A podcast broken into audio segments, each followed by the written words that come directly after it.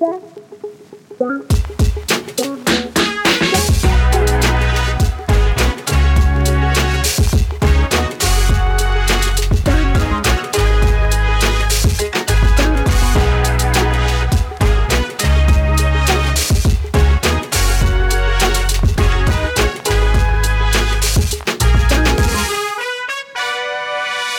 Welkom en fijn dat u luistert naar de eerste aflevering van de Leergeld 070 podcast. De podcast waar we in gesprek gaan over armoede en vooral kinderarmoede. Charlie, zou jij je voor willen stellen aan de luisteraar? Ja, tuurlijk Don.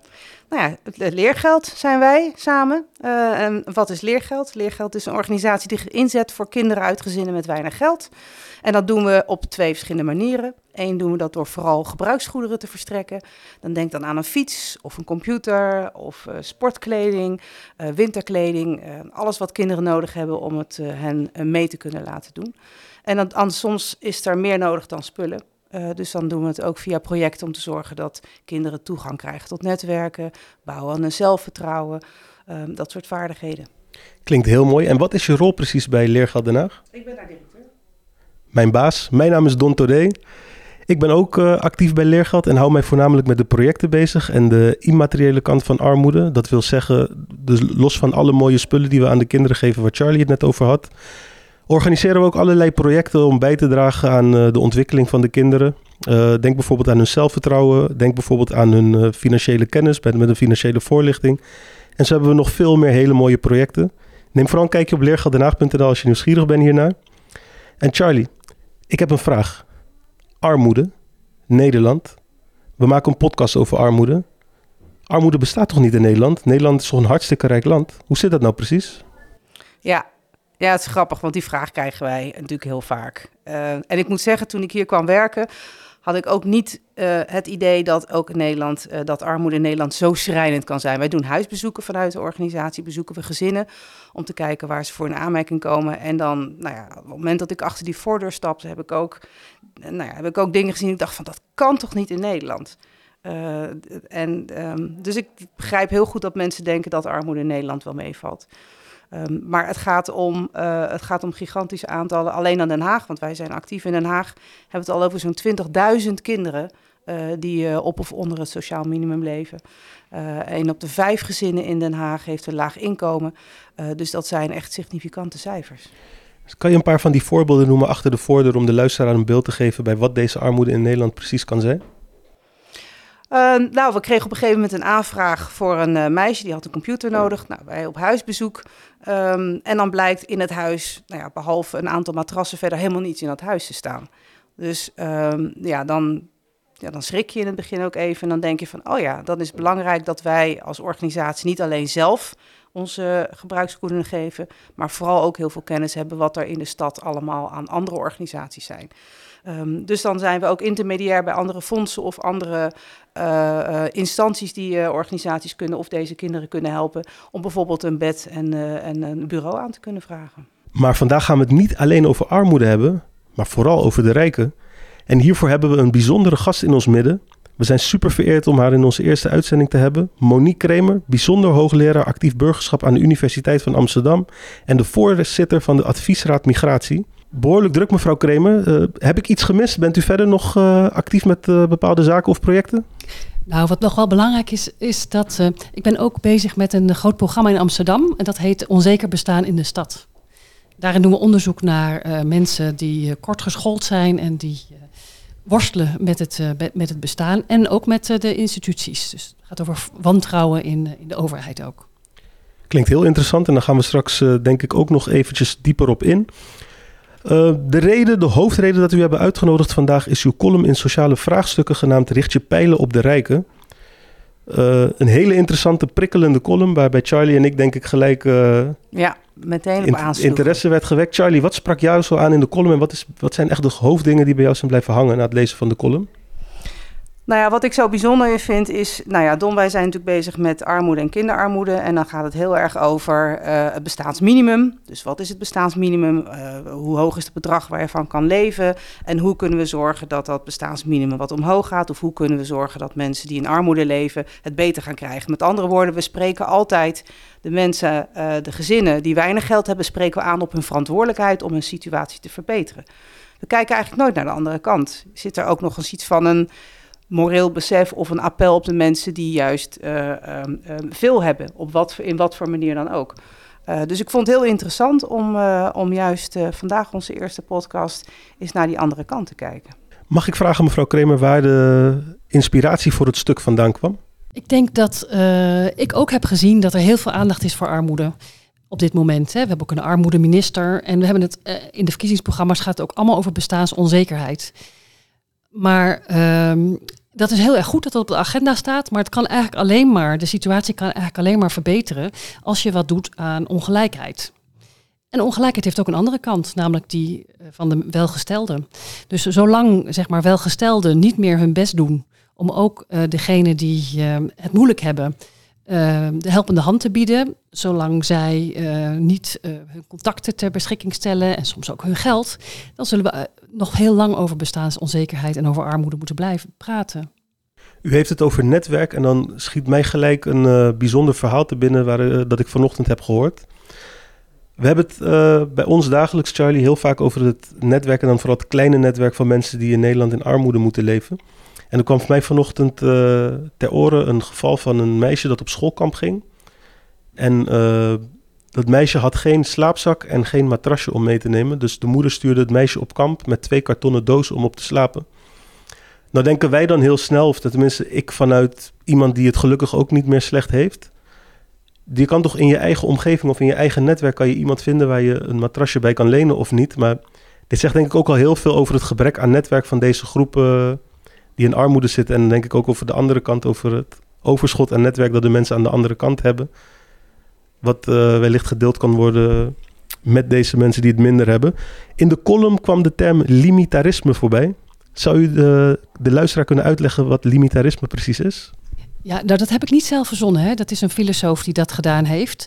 Uh, zij uh, geeft aan dat wij wel heel veel uh, discussie hebben over minimumnormen. En dat wij vinden dat er een minimum moet zijn. En dat is ook terecht. Maar waarom hebben we het niet over het maximum?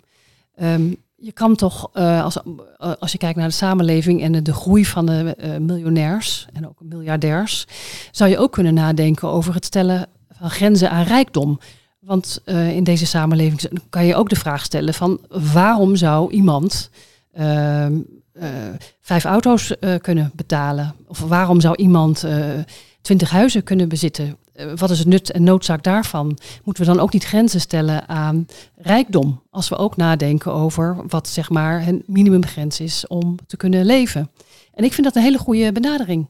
Want het punt is ook, die mensen die zo rijk zijn, die, die brengen niks goeds voor de samenleving.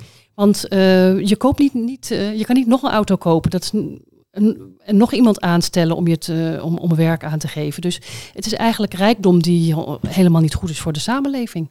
Dus daarom heeft zij die termen verzonnen en ook nagedacht van moeten we daar niet de grens aan stellen. Ja, ik vind het een prachtige term. Ik vind het ook heel mooi om op die manier ernaar te kijken.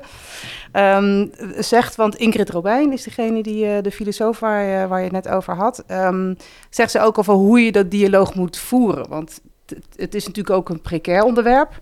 Um, um, als je tegen iemand uh, die veel geld zegt van... Uh, ja, eigenlijk is het niet oké uh, dat je zoveel geld hebt. En ga eens nadenken over hoe je dat kan inzetten. Dus op welke manier zouden we die discussie kunnen voeren... zonder dat je ergens samen in de loopgraven komt van... Um, nou ja, ik ben beledigd op de manier hoe je dat zegt. Ik voel me niet aangesproken. en dan heb je het risico dat die hele discussie dichtklapt. Nou, de kern is dat mensen die rijk zijn denken dat zij dit zelf verdiend hebben. Dat is de kern. Die, zeggen altijd, ja, maar dat heb ik zelf verdiend. Ik heb er hard voor gewerkt. Uh, maar als je dat, dat zou je meer moeten doorprikken, want dat is bijna nooit aan de orde. Mensen verdienen tegenwoordig geld met geld. Dus heb je dat dan zelf verdiend? Dus wat mij betreft gaat het er niet alleen om dat je de rijken aanspeelt, hey, doe spreek, doe eens wat terug. Maar je moet ook een, echt een gesprek hebben over van, maar wanneer verdien je dat nou zelf? Of heb je het gewoon in handen gekregen van je vader? Dan, uh, en je ziet dat daar wel wat meer ruimte voor is. Dus ik denk dat het goed is om het te hebben over, ja, eh, als je het echt helemaal zelf verdiend hebt, dan mag je natuurlijk wel best een deel daarvan houden. Maar het punt is dat bijna niemand verdient een miljoen van jezelf. Uh, en heeft dan harder daarvoor gewerkt of meer intelligentie. Want wij weten ook, het is ook onderzoek dat laat zien dat het helemaal niet waar is dat hoe meer IQ je hebt, hoe, meer, uh, je hoe beter je prestaties zijn, hoe meer je zou moeten verdienen. Dus dat is nonsens. Dus wat mij betreft is het ook goed om te zeggen van dat, dat, dat klopt gewoon niet. Mensen zijn rijk omdat ze al geld hebben. En daar kan je tegenwoordig heel, veel, heel rijk mee worden. Ik was ook echt wel geprikkeld door de, uh, wat jij in je column schreef, is dat eigenlijk al bij een inkomen van boven de 60.000, dat is niet eens biljonairs of zo, boven de 60.000, dat, uh, uh, um, dat het verschil tussen ehm, de intelligentie uh, die je ervoor nodig hebt om, om, om dat inkomen te vergaren, dat dat eigenlijk al steeds kleiner wordt. Sterker nog, dat je zegt van dat je op een gegeven moment hebt een bepaalde grens, dat de, de grootste baas of de CEO's zelfs qua intelligentie misschien zelfs wat lager zitten dan degene die net in die onderlaag zitten. Ik bedoel, ik was echt flabbergasted toen ik dat was. Ik dacht vanaf 60.000 euro is het verschil, maakt eigenlijk intelligentie eigenlijk weinig verschil uh, in hoe ver je daarboven nog komt. Ja, en ik denk dat het belangrijk is om, om, waar het gewoon mee te maken heeft, is met dat je de goede netwerken hebt om, om hoger op te komen. Hm. Dus eh, in uh, Old Boys Networks vroeger. Uh, dus het gaat veel meer over wie je kent, waar je geld vandaan komt, dan dat het te maken heeft met jouw bijzondere intelligentie. En dat geldt voor mij ook. Ik ben niet bijzonder intelligent, niet intelligenter dan, dan, dan iemand anders, maar je hebt uh, soms een duwtje nodig of uh, geluk, goede contacten gekregen op school, bepaalde vaardigheden aangeleerd, maar het heeft niet met je, met je IQ te maken. En het is ook niet zo dat de mensen die arm zijn dus minder IQ hebben. Dat is echt nonsens. Dus het gesprek aangaan gaat er ook over om een paar van die mythes ja. door te prikken. Um, en wat wel belangrijk is, is denk ik dat uh, dat limitarisme gaat er ook over dat, dat mensen meer doorhebben wanneer ze rijk zijn. En in Nederland ben je, uh, als je twee verdieners bent en hoger opgeleid, dan, dan ben jij al, uh, behoor je al echt tot de top, topinkomens. En mensen hebben dat helemaal niet door. Dus het is ook een kwestie van bewustzijn. Dat je eigenlijk, ik ben ook ik ben rijk, ik moet dat misschien gewoon zeggen. Ja, ja dus Jij bent ook rijk, denk ik misschien, maar, Charlie. Dus, ja, ja, en dat, ja. dus het gaat, niet, over die, gaat niet alleen maar over die biljonairs. Maar in Nederland ben je gewoon rijk als je hoger opgeleid bent en met z'n tweeën werkt. Dan zit je al zo ver boven wat de gemiddelde Nederlander is. En al zo ver boven mensen die in armoede leven. En als je dat erkent, dan ben je alweer een stap verder. En dat zijn ook de mensen waarvan ik zeg, die moet je aanspreken en zorgen dat ze uh, empathisch blijven en solidariteit voelen. Ja. Als ik jullie een vraag mag stellen voor onze luisteraars, jullie mening. Wat zou volgens jullie een mooi sociaal maximum zijn? Eerst naar, kijk ik eerst naar Charlie. Nou, ik geloof niet dat ik dat even uit het vuistje zomaar kan zeggen.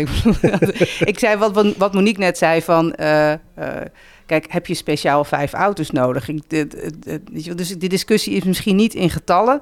maar meer op van... Uh, um, nou ja, weet je wel, is je bestaanszekerheid uh, uh, gegarandeerd. Um, en dat, dat ligt misschien bij sommige mensen op een ander niveau dan bij andere mensen. Maar ik denk dat het meer is dat mensen aan het denken worden gezet van... goh, um, ga ik nog voor die vijfde auto of kan ik dat geld ook aan iets anders besteden? zoals jij, Monique, in jouw column had gezegd... dat er een mooi voorbeeld was hoe rijken of welgestelden... wat jij eigenlijk liever als woord gebruikt... omdat het niet alleen maar gaat om heel veel geld... Maar dat uh, mensen in het Statenkwartier bijvoorbeeld hun energietoeslag hebben gedoneerd aan gezinnen um, met wat minder geld. Weet je, dus de, de bewustwording van goh, um, ik kan een vijfde auto kopen of ik kan een tweede, een tweede vakantiehuis kopen, maar ik kan daar ook andere dingen mee doen. Ik denk dat dat interessanter is. Uh, um, wat ik zou, ik vind eerlijk gezegd heel ingewikkeld om, om daar een cijfer aan te komen. Daarom stel ik de vraag ook. Het ja. is heel lastig, want maar ergens zal je een grens moeten hebben. Mevrouw Kremer, je zal hier vast over nagedacht hebben. Wat, uh, zou, wat zou voor jou het sociaal maximum zijn? Nou, ik denk niet dat je moet denken in termen van een sociaal maximum, maar wel dat je bijvoorbeeld uh, heel veel belasting kan, kan gaan heffen en ook vermogensbelasting, waar discussie over is. Dus dat je ook op je huis en op alle, alle spullen die je hebt, dat je daar veel meer voor gaat betalen. Dus uh, net als, uh, en ik, ik, denk dat als je gewoon weet dat ehm, je, ik weet niet, vijf keer het maximum, vijf keer de bijstand hebt, dat lijkt mij wel voldoende voor een gezin, bij wijze van spreken. Hè? Dus uh, zo kan je er ook over nadenken. En uh, ik denk ook dat het vooral gaat over die, om de bandbreedte van ongelijkheid te verkleinen. Dus moet, moet je mensen uh, hebben die tien keer zoveel verdienen als de laagst betaalde in jouw bedrijf? Dat is extreem veel. In Nederland weten we ook dat mensen zeggen het moet ongeveer één tot zes staan. Dus ik vind het reëel dat de directeur zes keer zoveel verdient als de laagste werknemer. Dat, dat, dus ik denk dat het goed is om over zo'n bandbreedte te hebben. Uh, en dan uh, kunnen we goed discussie hebben. Ja, vind je dat zes keer het minimum dat dat voldoende is of niet? Maar het gaat voor mij ook vooral over dat dat dan de grens is waarop je heel veel belasting gaat heffen. Nou, Monique zei net uh, dat als het gaat om bijvoorbeeld meer vermogensbelasting betalen als je boven een bepaalde inkomen verdient.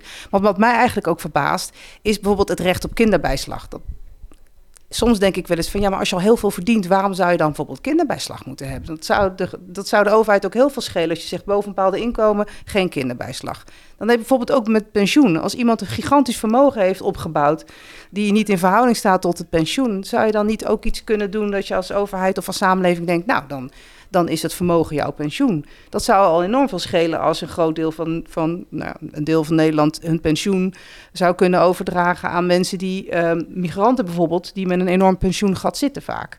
Um, en waarvan ik ook denk van. Uh, um, dat, ze, dat geld zou veel beter besteed kunnen worden. Klinkt als iets heel logisch om de kinderbijslag misschien in te richten hoe de kinderopvang, uh, nee, kinder, kindgebonden budget, hoe dat is ingericht. Dus afhankelijk van het inkomen, het bedrag wat je krijgt. Mm-hmm. Op die manier bijvoorbeeld. Ja, precies. Ja. Of gewoon, gewoon grenzen stellen. Als je boven bepaald inkomen hebt, dan heb je het vermogen om zelf iets op te bouwen. Uh, of dan heb je zelf prima het vermogen om je kinderen, voor je kinderen kleren te kopen. Dus Wat waarom zou, je dan nog uh, uh, die kinderbijslag erbij moeten hebben? Dit klinkt zo logisch dat ik eigenlijk niet begrijp waarom zou er bezwaar tegen zijn om op deze manier heb in te richten. Heb ik wel, heb ik wel. Ja, ja. Oké, okay, ja, omdat, ja, omdat uh, er zijn een paar, paar dingen die we hebben afgesproken in Nederland uh, die, voor iedereen zijn, zoals kin kinderbijslag. En het voordeel daarvan is, is dat op het moment dat jij mensen die van, van alle lagen iets geeft, zeg maar, als overheid, die, uh, dan vergroot dat de solidariteit. Dus wij noemen dat zeg maar zeg maar, in de wetenschap zeggen we dat dat zijn universele uh, regelingen die we hebben. Die zijn voor iedereen. En we weten dat universele regelingen die voor iedereen zijn, die zorgen ervoor dat er meer solidariteit is. Uh, omdat jij het ook krijgt. Want er zit ook een welbegrepen eigenbelang in het hebben van allerlei sociale voorzieningen. Dat je weet, ah, als, als ik het zwaar heb, hè, dan krijg ik ook iets. En als mensen die uh, bijvoorbeeld uh, middenklasse zijn of iets rijker zijn, niks krijgen van een overheid, dan kan het ook zijn dat ze hun hele handen ervan aftrekken. Dus daarom hebben we wel in ons systeem regelingen die voor iedereen zijn. En daarom hebben we kinderbijslag en krijgt onze koningin en koningin kregen ook kinderbijslag. Aha. Dus dat zijn. Ah, dus ik zou dat daarvan zeggen. Uh, wees daar wel voorzichtig mee. Uh, dat je wel ook altijd dingen hebt die voor iedereen zijn. Want dat, dat bevordert wel de solidariteit. Wat jij zei van. Goh, waarom geven die mensen uh, hun pensioen niet aan mensen die migrant zijn? Hè? Want die hebben vaak een gat in hun pensioensysteem. Eigenlijk zouden de pensioenfondsen dat best wel kunnen doen. Dat ze zeggen van nou, wij hebben zoveel gespaard. Waarom zouden wij die groep dat niet kunnen doen? Dus je kan wel kijken van wat is dan een logische manier om, uh, nou ja, om, om uh, groepen aan te spreken uh, die wat kunnen doen. Of zeggen van nou ja, net als in met die energietoeslag kreeg was een cadeautje van onze overheid. Ja. Dat je zegt van nou dat doe ik niet. Misschien kan je het met de kinderbijslag wel zo organiseren. Dat je zegt als jij vindt dat jij genoeg hebt, maak je kinderbijslag over. Uh, naar iemand uh, die het nodig heeft. Uh, dat zouden we natuurlijk wel veel meer kunnen doen. Ja, nou dat is misschien ook een elegantere oplossing. Dan hou je toch dat basisbegrip van iedereen moet mee kunnen profiteren en die voorzieningen zijn voor iedereen. Dus om die solidariteit in stand te houden, maar dat betekent dat je een appel doet op de mensen die zelf beslissen ik heb genoeg. Maar dan kom je toch eigenlijk weer terug op die vraag. Want nou ja, jouw column luidt ook van sociaal professionals richt je pijlen op de rijken. Um, ja, hoe doe je dat op appel? Want je hebt net zelf gezegd dat uh, um, onderzoek heeft aangewezen dat als iemand succes heeft, dat hij de neiging heeft om dat aan zichzelf toe te wijzen. Dus als mensen denken van ja, maar ik heb succes omdat ik heel hard gewerkt, ik heb dit verdiend. Um, dat is niet echt een baas waarop je denkt van, oh, maar dat betekent dat ik me ook verplicht voelt om dat te delen. Want dan kan je ook denken, ja, maar die ander heeft misschien minder hard gewerkt, want je hebt minder succes. Ja, en dat is, de, dat is het probleem in deze samenleving op dit moment. En daarom zeg ik ook vanuit, moet eigenlijk wel beginnen ook met uh, sociologieles voor de rijken. Dus dat zij het besef door, door, ja, dat ze doordrongen raken, mensen doordrongen raken met het feit dat ze uh, de positie die zij innemen, die hebben ze echt niet alleen aan henzelf te danken. Dus dat is, en uh, goede sociologieles laat dat ook zien. Dat het te maken heeft met je school, met waar je vandaan komt, je ouders. Als ouders uh, één boek in de kast hebben staan, uh, heb je al meer kans dat het met je schoolcarrière beter gaat.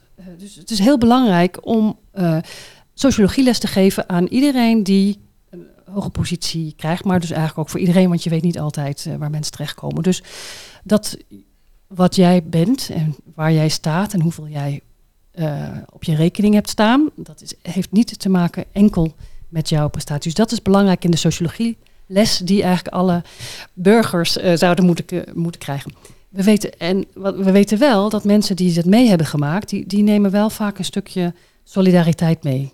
Dus op het moment dat jij in armoede bent opgegroeid, dan ben je minder geneigd om uh, als je ouder bent en je hebt het goed, dan weet je dat vaak nog wel. Dus die kan je ook veel meer aanspreken om uh, een steentje bij te dragen. Ja, dat klopt. Nou ja, dat is, dat is ook leuk omdat we daar in Leergeld ook best mooie voorbeelden van hebben. Uh, dat we zien dat, uh, dat uh, als kinderen in armoede zijn opgegroeid en jong volwassen worden, bijvoorbeeld zich aanmelden voor, voor bestuurslid, als bestuurslid, of, nou ja, of op een andere manier proberen iets terug te doen. En soms is het zelfs korter. We hadden toevallig afgelopen week een, een, een, prachtig voorbeeld van een, een, een, moeder die hier aankwam met een grote bos bloemen en lekkers. Want haar zoon was 18 jaar geworden en nou, die had gebruik mogen maken van de gebruiksgoederen van leergeld. Maar als je 18 bent, dan stopt dat, want dan ben je voor de wet volwassen. Dus dan kan je geen aanspraak meer doen op onze gebruiksgoederen. En die kwam, dat ook, die kwam ook bedanken. Die zei van ja, die, die gebruiksgoederen die jullie hebben geleverd, heeft mijn zoon dus uh, zijn school goed af kunnen maken. Want hij heeft een fiets gekregen en een computer. En ik wil jullie dat bedanken voor, voor de impact die dat gegeven heeft op, uh, op, op, mijn, op mijn zoon. Dus dat besef is er zelfs nog heel kort dan. Op het moment dat, het, dat zoon het, uh, het zijn, zijn leven instapte, die ging, die zat ook prachtig op een HBO-opleiding. Dus was super trots op hem. Dus dat besef uh, van, nou ja, ik heb die ondersteuning gekregen en mijn zoon ook en wat dat gebracht heeft. Dat kon zelfs uh, bij onze leergeld af en toe wel heel, heel snel heel kort op weer bij ons terug. Dus dat is wel heel mooi om te zien. Ja, nou ja, en wat leuk is, wat, je, wat één ding is, is natuurlijk van dus, geld. Het is heel goed als, je, als dat beter verdeeld wordt, hè, dat die die energiecoöperatie van Moerwijk was dat. Die heeft geld gekregen van uh, mensen in Statenkwartier, maar ook van anderen in, uh, in Den Haag. Omdat natuurlijk allemaal dat appel werd gedaan. Uh, toch wel van, ja, wij, wij dat, ja, als je dat niet nodig hebt. zijn, zijn anderen die dat... die dus wel goed om dat, dat te benoemen. Maar het gaat ook over contacten en dergelijke. Hè? Want het, dus geld is een belangrijke kwestie en om vooruit te komen in het bestaan. Maar ook uh, nou ja, of je geholpen wordt met in het onderwijssysteem, de weg leren kennen, ook de voorzieningen van de overheid, uh, toegankelijkheid daarvan. Heb je heel vaak iemand nodig die dat wel begrijpt. En wat, wat ik vaak hoor is dat als mensen proberen om de weg te vinden, bijvoorbeeld iemand die een migratieachtergrond heeft en die niet genoeg pensioen heeft bijvoorbeeld. Het is hartstikke moeilijk. Hè? Je, hebt heel veel, wat wij noemen dat instanciekapitaal nodig. Dus je hebt heel veel kennis nodig om überhaupt te krijgen waar je recht op hebt. En het helpt heel erg als. Uh, en bovendien moet je ook nog weten hoe je met iemand moet omgaan. Want uh, niet iedereen uh, weet hoe je met, je met je klantmanager in de bijstand het beste om kan, kan gaan. maar wat wij zien is dat als je dan iemand meeneemt die, die wel de weg kent, die, dat kan ook enorm helpen. Dus het gaat ook over contacten. Over hè, mensen die rijker zijn of welgestelder, de weg weten, dat je die ook gewoon helpt. Of op de arbeidsmarkt weten we ook, wanneer krijg je een baan? Nou ja, als, als je heel jouw omgeving geen goed werk heeft, dan heb je geen goed netwerk. En het probleem is dat mensen die arm zijn, die hebben vaak wel een netwerkje, Maar dat zijn mensen die niet per se eh, het beter, beter af zijn. Dus daarom moeten mensen die dat wel hebben, die kunnen ook hun hulp en hun, eh, en hun netwerken aandienen. Maar dat, zonder paternalistisch te zijn. Hè? Want dat is wel altijd een nadeel. Je moet niet dan met je vingertje gaan staan Ja, van eh, Ja. eh, jij moet dit en jij moet dat. Dus het moet op een manier gaan. Dus geen nieuwe Garitas. Waar met, dat moeten we niet hebben. Maar eh, wel Hoe zouden we dat wel met, kunnen doen? Hoe zouden we wel deze rijke, deze vermogende mensen mee kunnen krijgen in deze mooie bewegingen? Ik kan me voorstellen, we kunnen niet iedereen nog een les sociologie geven. Maar wat zijn wel manieren waarop we deze mensen op hun maatschappelijke verantwoordelijkheid kunnen wijzen en mee kunnen nemen hierin? eh, manieren waarop mensen bij gemeente of sociale professionals deze mensen kunnen inspireren en meekrijgen? Ja, ehm, nou, ik denk dat er nog heel veel nieuwe dingen verzonnen moeten gaan worden. Maar de dingen die ik heb gezien, zij spelen bijvoorbeeld op de werkvloer. Eh, dus als je zeg maar op, het, op je werkplek bent, ehm, waarom zou je niet iemand adopteren die ehm, het moeilijk vindt om, eh, om te werken, die een afstand tot de arbeidsmarkt heeft? Of eh, anders gezegd, de arbeidsmarkt heeft een afstand tot hen. Maar waarom zou jij niet bijvoorbeeld eh, iemand kunnen begeleiden op de werkvloer? om een beetje te helpen met de ins en outs van het, van het werk, bijvoorbeeld. Dat is een manier waarop je kan helpen. Nou, dat kunnen werkgevers kunnen daar een zetje bij geven.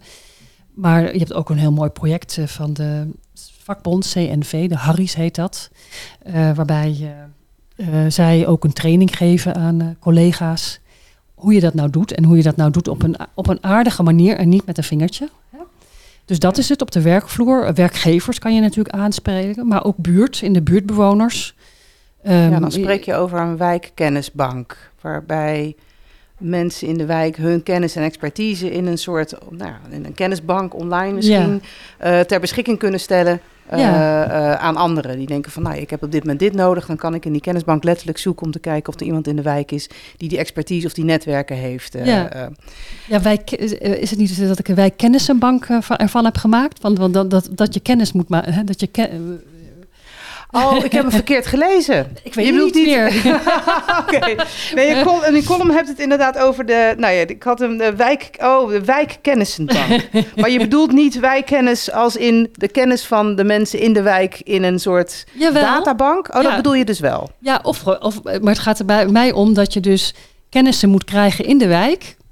Die jou kunnen helpen met eh, contacten. En ja, dat, dat is waar. Het is natuurlijk handig als eh, een advocaat eh, zich aanmeldt in de wijk van ik wil wel iets doen voor de mensen in mijn buurt. Dus het kan alle twee, denk ik. Wij kennis en wij kennissenbank. Ja. Toch? Kijk, we hebben gelijk weer een nieuwe mogelijkheid Precies. bij. Maar dat wat is waar. Ik, ja. Wat ik Ja. wel bedacht, ik denk van, we, we zijn natuurlijk in Den Haag actief, maar Den Haag is een uitermate gesegregeerde stad. Er zijn een aantal wijken die daar ook echt op afwijken. Den Haag Zuidwest is bijvoorbeeld zo'n regio, eh, die vier wijken in, in Den Haag, waar, eh, nou ja, waar eh, de armoede en de problematiek rondom leefbaarheid nog, nog schrijnender zijn dan het gemiddelde van Den Haag zelf. Ik denk, ja, als je dan met wijkkennis hebt, daar zit een enorme uniformiteit van mensen die allemaal een beetje hetzelfde schuitje zitten.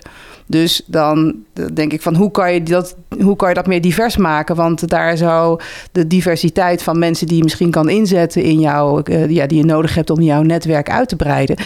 Ja, die zijn daar misschien veel minder divers en voorradig dan als je dat in een wat grotere setting eh, doet. Ja, nee, daar, daar heb je helemaal gelijk in. Zeker in gesegregeerde stad als Den Haag is dat, is dat eh, lastig. Ehm, nee, dan zou het meer in Den, Haag, in Den Haag zou je dan meer dat eh, in het Haagse moeten doen. Zoals ehm, eh, de solidariteit, zeg maar, van ehm, wat we eerder aangeven, staatlieden, statenliedenkwartier, sta- statenkwartier en Ja, eh, Moerwijk. Eh, maar wat ik wel zie is dat je ook de gemeente Den Haag kan aanspreken om hier wat eh, meer aan te doen. Hè? Om die segregatie tegen te gaan. Dus ik ge- gebruik ook het voorbeeld van de Oekraïense ontheemden. Die in Den Haag best aantal zijn opgenomen. Hè? Best een groot aantal Oekraïense ontheemden hebben we in Den, Haag. Waarbij de gemeente toch probeert om ze in de goede wijken neer te zetten. Zodat je dat ook eigenlijk met de asiel zoekers en met de statushouders kan doen. Want de gemeente heeft daar best iets over te zeggen. ja. Ehm, dus ik vind het een heel goed idee dat eh, deze groepen, dat je het wel vooral probeert om die te, pl- te plaatsen in de Haagse wijken die het eh, heel goed eh, doen. Dus op Ja. zo'n manier kan je daar wat aan doen. Maar dat, die doen, ja. wijkkennissenbank in Den Haag moet misschien, moet misschien in Den Haag en niet alleen maar in de wijk. in de wijken. Maar je zou eigenlijk diezelfde die lijn zelfs kunnen doortrekken. Dat je ook uh, kijkt van bijvoorbeeld uh, daarna weer terugkomend op de Haag Zuidwest. is natuurlijk nu ontzettend ontwikkeling. Daar, uh, daar kan straks ook, of gaat ook straks veel nieuw gebouwd worden. Om te kijken hoe je ook in je hele infrastructuur en je huisvestingsvisie kan zorgen dat er ook gewoon van nature meer diversiteit in de wijken plaatsvindt. En niet een, een enorme grote uh, concentratie van mensen in kwetsbare groepen op een bepaalde plek. En dat is natuurlijk best een uitdaging. Uh, want nou ja, sociale verhuur uh, van nature hebben de woningcorporaties in specifieke wijken dan veel meer positie, grondpositie dan in andere wijken. Maar zou dat ook een oplossing zijn, omdat je dat dan eigenlijk veel meer borgt op lange termijn? Als er gewoon meer diversiteit is tussen verschillende mensen en inkomensgroepen die naast elkaar en, en bij elkaar om de hoek wonen. Nee, dat is heel belangrijk, maar er zijn altijd sociale professionals nodig om die link te gaan leggen tussen die groepen. Want die nieuwe mensen komen en dan is meteen het commentaar: ja, ze komen hier alleen maar werken en uh, ik zie ze nooit. Hè? Ze, zwaaien misschien een keer, maar dat, dat is alles. Dus wat je ziet is in dit soort uh, grote programma's, is dat die nieuwelingen eigenlijk uh, te weinig doen voor de wijk. Terwijl er wel enorme hoop was dat die nieuwe middenklasse kwam om te helpen ook. En ik denk, de meeste mensen komen wel ergens wonen waar ze iets met de buurt willen. Ze zijn daar wel op een speciale reden gewoon. Dus je moet ze eigenlijk meteen aanspreken. Dus je hebt echt verbinders nodig. Ja. Dus, die, dus als je dan een wijkkennis of uh, kennissenbank gaat opzetten, dan, dan is echt alleen online geloof ik ook niet in. Je moet echt mensen aanspreken op, uh, hey, uh, jij, jij werkt bij de gemeente, zou je niet wat meer hierbij kunnen helpen? hey, we willen iets doen met een buurtuin, je bent landschapsarchitect. Ehm, zou jij daar niet iets aan willen bijdragen? En jij hebt een goede baan. Die jongen die heeft echt een stageplek nodig. En ik geloof dus dat het echt nodig is dat een uh, sociale professional die wijk goed kent en heel veel doet aan die sociale contacten. Dus ik denk dat uh, de, ja, de, de, de, professionals van tegenwoordig, dat zijn gewoon uh, soort datingbureaus. zouden die moeten zijn van die en die moeten elkaar ontmoeten. Want uh, deze persoon, deze welgestelde, die kan jou uh, gaan helpen. Nou, Don, jij ja. bent zo'n uh, sociaal professional. Als je dit zo hoort, dan denk jij dan van. Um, dat, dat, dit is het volgende wat ik zou moeten gaan doen. Wat ik, wat, wat ik eigenlijk nog niet doe. Of wat ik mijn collega's in de stad eigenlijk nog te dit weinig is, doen. dit vond ik heel inspirerend. En dit gaat mij denk ik ook helpen bij de projecten die ik ga doen. Soms zijn we automatisch zijn uit goede wil iets te gefocust op de groep die we moeten helpen. En zijn we minder gefocust op ontmoeting. Nou hebben we plannen voor een mooi event uh, volgend jaar zomer, waar dat wel bij gaat gebeuren. Maar daar ga ik nog even niks over loslaten. Maar dat is ook weer zo'n voorbeeld van een uh, event dat we willen organiseren, waar kinderen uit gezinnen met weinig geld in aanraking komen met gezinnen waar geld geen probleem is. Om ze uit hun eigen cirkeltje of uit hun eigen kring in hun wijk te halen en ook in aanraking te brengen met andere kinderen. Dus heel inspirerend. En uh, ik hoop ook dat de professionals die luisteren naar de podcast hier iets aan hebben. Tot slot, we hebben het veel gehad over de rijken. En ik ben ook heel nieuwsgierig, uh, mevrouw Kremer. We hebben het gehad over generationele rijkdom. Dat dat bestaat. Maar er is natuurlijk ook generationele armoede. Vanuit de praktijk, uh, Charlie, hebben we hier dagelijks mee te maken. Mevrouw Kremer, ik begin met jou.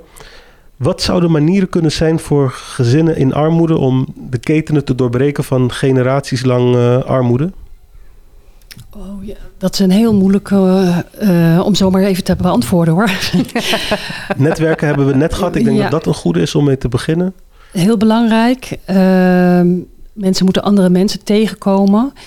Ehm, ik vind ook dat er een taak is, natuurlijk is van scholen en van, van allerlei andere instellingen om daar veel beter uh, zicht op te hebben en ook te zorgen dat uh, school wel een springplank wordt voor deze groep. Want dat is er nu niet, vaak niet. Of dat ze wel geholpen worden door kinderopvang of jeugdclubs of dat, dat soort zaken. Dus die moeten dan denk ik veel, veel actiever mee, mee aan de slag. En de ouders ook niet vergeten.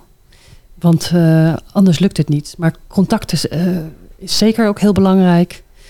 En um, uh, ja, er is niet één knopje. Hè? Ja. Het zijn heel veel. het is een soort kluwen waar die. Dat, als je het hebt over intergenerationele armoede, gaat ook over gezondheid. Wat je ziet is dat heel veel heel erg een rol speelt. Ik denk dat we daar meer aandacht voor hebben tegenwoordig. Dat dat, dat belangrijk is. En als het gaat over intergenerationele armoede, en de complexiteit waar mensen soms in zitten, dan heb, dan heb je nu, in ons onderzoek bijvoorbeeld, hè, zeggen mensen dan, uh, ja, we hebben zo'n tafel in ons, uh, in ons huis staan en als dan de hulpverlening komt, dan moeten we hem helemaal gaan uitklappen om te zorgen dat iedereen aan tafel komt. Hè. Dan zitten er zes mensen, zeven mensen, hulpverleners eromheen. Um, ja, dat, uh, dat, kan natuurlijk niet. Dus ik denk ook in sommige gevallen is het gewoon nodig dat één iemand de regie krijgt en de sleutel krijgt tot allerlei instellingen om uh, echt een verschil te maken. Mooi om te horen, Charlie. Generationele armoede hebben we natuurlijk veel mee te maken. Hoe gaan we hier bij leergeld mee om en uh, wat doen we om deze ketenen te doorbreken? Nou ja, wat, wat wij uh, in, de, in de praktijk natuurlijk ook gewoon uh, vaak merken, en dat is eigenlijk iets wat Monique net ook al, uh, al benoemd, is, is dat het een, een kluwe is. Het is inderdaad de toegang tot die netwerken die je dan net nodig hebt om te zorgen dat je. Um, um, nou ja, dat je wel iets kan, uh, wel een, verder, een stap verder kan nemen. Ik bedoel, uh, kinderen die bijvoorbeeld geïnteresseerd zijn in, um, um, nou ja, die goed kunnen leren en nieuwsgierig zijn in de wereld. Ja, dan merk je dat sommige kinderen over een enorm netwerk uh, beschikken, waarbij de ouders kunnen zeggen: Oh ja, nee, ik heb nog een, tante die is advocaat en ik heb nog een oom en die is geschiedenisleraar. Die heel snel mensen kunnen bellen van: Goh, zou je een keer met mijn zoon of mijn dochter willen zitten om te praten? Hoe is dat dan als je zo graag geschiedenis wil gaan studeren? Hoe ziet dat er dan uit? Dus, en dat geldt ook vaak met stages lopen. Uh, um, uh, dat mensen in hun netwerk mensen hebben die zeggen van nou, ik wil wel iemand, ik heb nog of mijn oom of, of, een oude studiegenoot en die, uh, die werkt bij dat bedrijf. Ik zorg wel dat je daar die stage kan, kan krijgen. Dus die, die netwerken blijven belangrijk, wat wij ook gewoon merken dat, dat kinderen dan net even een stap verder kunnen komen in het verwezenlijken van dingen die zij graag willen doen. Um, uh, dat, dat is daar één van. Maar het is inderdaad die kluwen van verschillende. Gezondheid is ook een aspect. We hebben een prachtig ADO-project. Dat heet Leven als een ADO-prof, waarbij je eigenlijk niet alleen ja, de kinderen die, die erop afkomen houden van voetballen en zijn enorm vereerd dat ze bij ADO mogen trainen een aantal weken, maar krijgen tijdens die voetbaltraining en daarna ook heel structureel les over uh, gezonde voeding, over doelen stellen, over omgaan met discriminatie. Uh, dus allerlei vaardigheden waarvan, je, waarvan het belangrijk is dat die kinderen ook beschikken op het moment dat ze opgroeien. Um, dus ik denk dat die Um, die integrale benadering, en dat is dan weer zo'n zo'n beroepsterm, maar ja, het gaat dus, dat is deze podcast ook bedoeld voor, uh, voor de professionals, is die integrale benadering blijft gewoon belangrijk. Dat je kijkt van, uh, uh, wat doe ik? Uh, wij geven bijvoorbeeld gebruiksgoederen en wij doen, maar hoe kunnen we vanuit de kant dat wij kinderen benaderen en, en kunnen bereiken. Hoe kunnen we ook die contacten weer inzetten om te kijken hoe we dat dan combineren met gezonde voeding of leefstijl? Of hoe kunnen we dat dan weer uh, combineren? Of hoe kunnen we deze kinderen weer koppelen aan dingen als het gaat om, om onderwijs of huiswerkbegeleiding? Dus die die integrale benadering uh, blijft wat mij betreft gewoon zo ontzettend belangrijk. Want Den Haag is groot. Er is heel veel. Er zijn heel veel professionals. Um, uh, het is denk ik uh, het risico dat we daarmee ook versnipperen. En iedereen op zijn eigen eilandje het wiel opnieuw aan het uitvinden is. Um, en vervolgens die verbinding niet kan maken, waardoor je ook niet in gezamenlijkheid ja, het vraagstuk kan aanpakken. Mm -hmm. Maar ik denk wel dat uh, het ook wel belangrijk is om ook de andere kant dus nog te benadrukken. Zolang zeg maar, de scholen te weinig oog hiervoor hebben, en zolang er het minimum gewoon te laag is in Nederland, hè, dus allemaal structurele dingen, um, verandert er ook niet genoeg. Dus ik vind dat zo ook sociale professionals, hè, dus los van dat je ook kan kijken hoe je de kinderen kan voorbereiden, moet er ook echt iets aan onze bredere samenleving gebeuren om aan die intergenerationele armoede iets te doen. Dus dat is ook weer mijn oproep. Het gaat ook over niet alleen maar alles bij de mensen leggen, toch? Hè? Ja, Daar precies. gaat het over. Ja. Uh, niet Ja. alles weer bij, dit, bij die ouders of bij het kind leggen. Toch? Want anders dan, want eigenlijk zou het fantastisch zijn als jullie niet meer zouden bestaan. Toch? Ja, precies. Dat zou het zeker Ja? zijn. Ja. Neem ik aan dat Nee, dat maar- ook jouw doel is. Ja, Hè? nee, Eh, je wil niet meer bestaan. Dus, dus dat betekent eigenlijk dat het ve- veel meer moet gaan over dat scholen veel meer oog hebben voor kinderen die dus in deze situatie opgroeien. En eh, niet moeilijk lopen te doen over dat er zoveel kinderen een, eh, eh, een speciale benadering moeten hebben. Nee, eh, eh, het is echt heel belangrijk om oog te hebben voor, eh, eh, voor kinderen, voor, voor wie het gewoon veel moeilijker is om op school uh, te, te bloeien. Omdat het thuis zo moeilijk gaat. Veel meer oog hebben voor jongere werkers om uh, te zorgen dat ze kunnen helpen om de dingen te doorbreken. Ook als het gaat over discriminatie, arbeidsmarkt. Werkgevers die stageplekken organiseren. Dus zolang die niet bewegen, dus dat is mijn hele pleidooi. Dan, dan, ja, dan, dan, dan moet, moeten jullie niet dan je aandacht geven aan hoe het met kinderen gaat. En zorgen dat de kinderen uh, ja, sterk worden en dergelijke. En ja, ik zou hopen dat ook die andere kant ja. zijn verantwoordelijkheid neemt, toch? Zeker, ja, zeker. Absoluut. Mooie afsluiting. Charlie bedankt. Monique Kramer bedankt. U luisteraar ook bedankt voor het luisteren naar de eerste aflevering van de podcast van Leergeld Den Haag, Leergeld 070. We zien jullie graag terug bij de volgende aflevering vanaf nu online elke eerste maandag van de maand op alle bekende podcastplatforms. Bedankt en onthoud, investeer nu als samenleving in kinderarmoede, zodat we later geen leergeld betalen. Tot de volgende keer.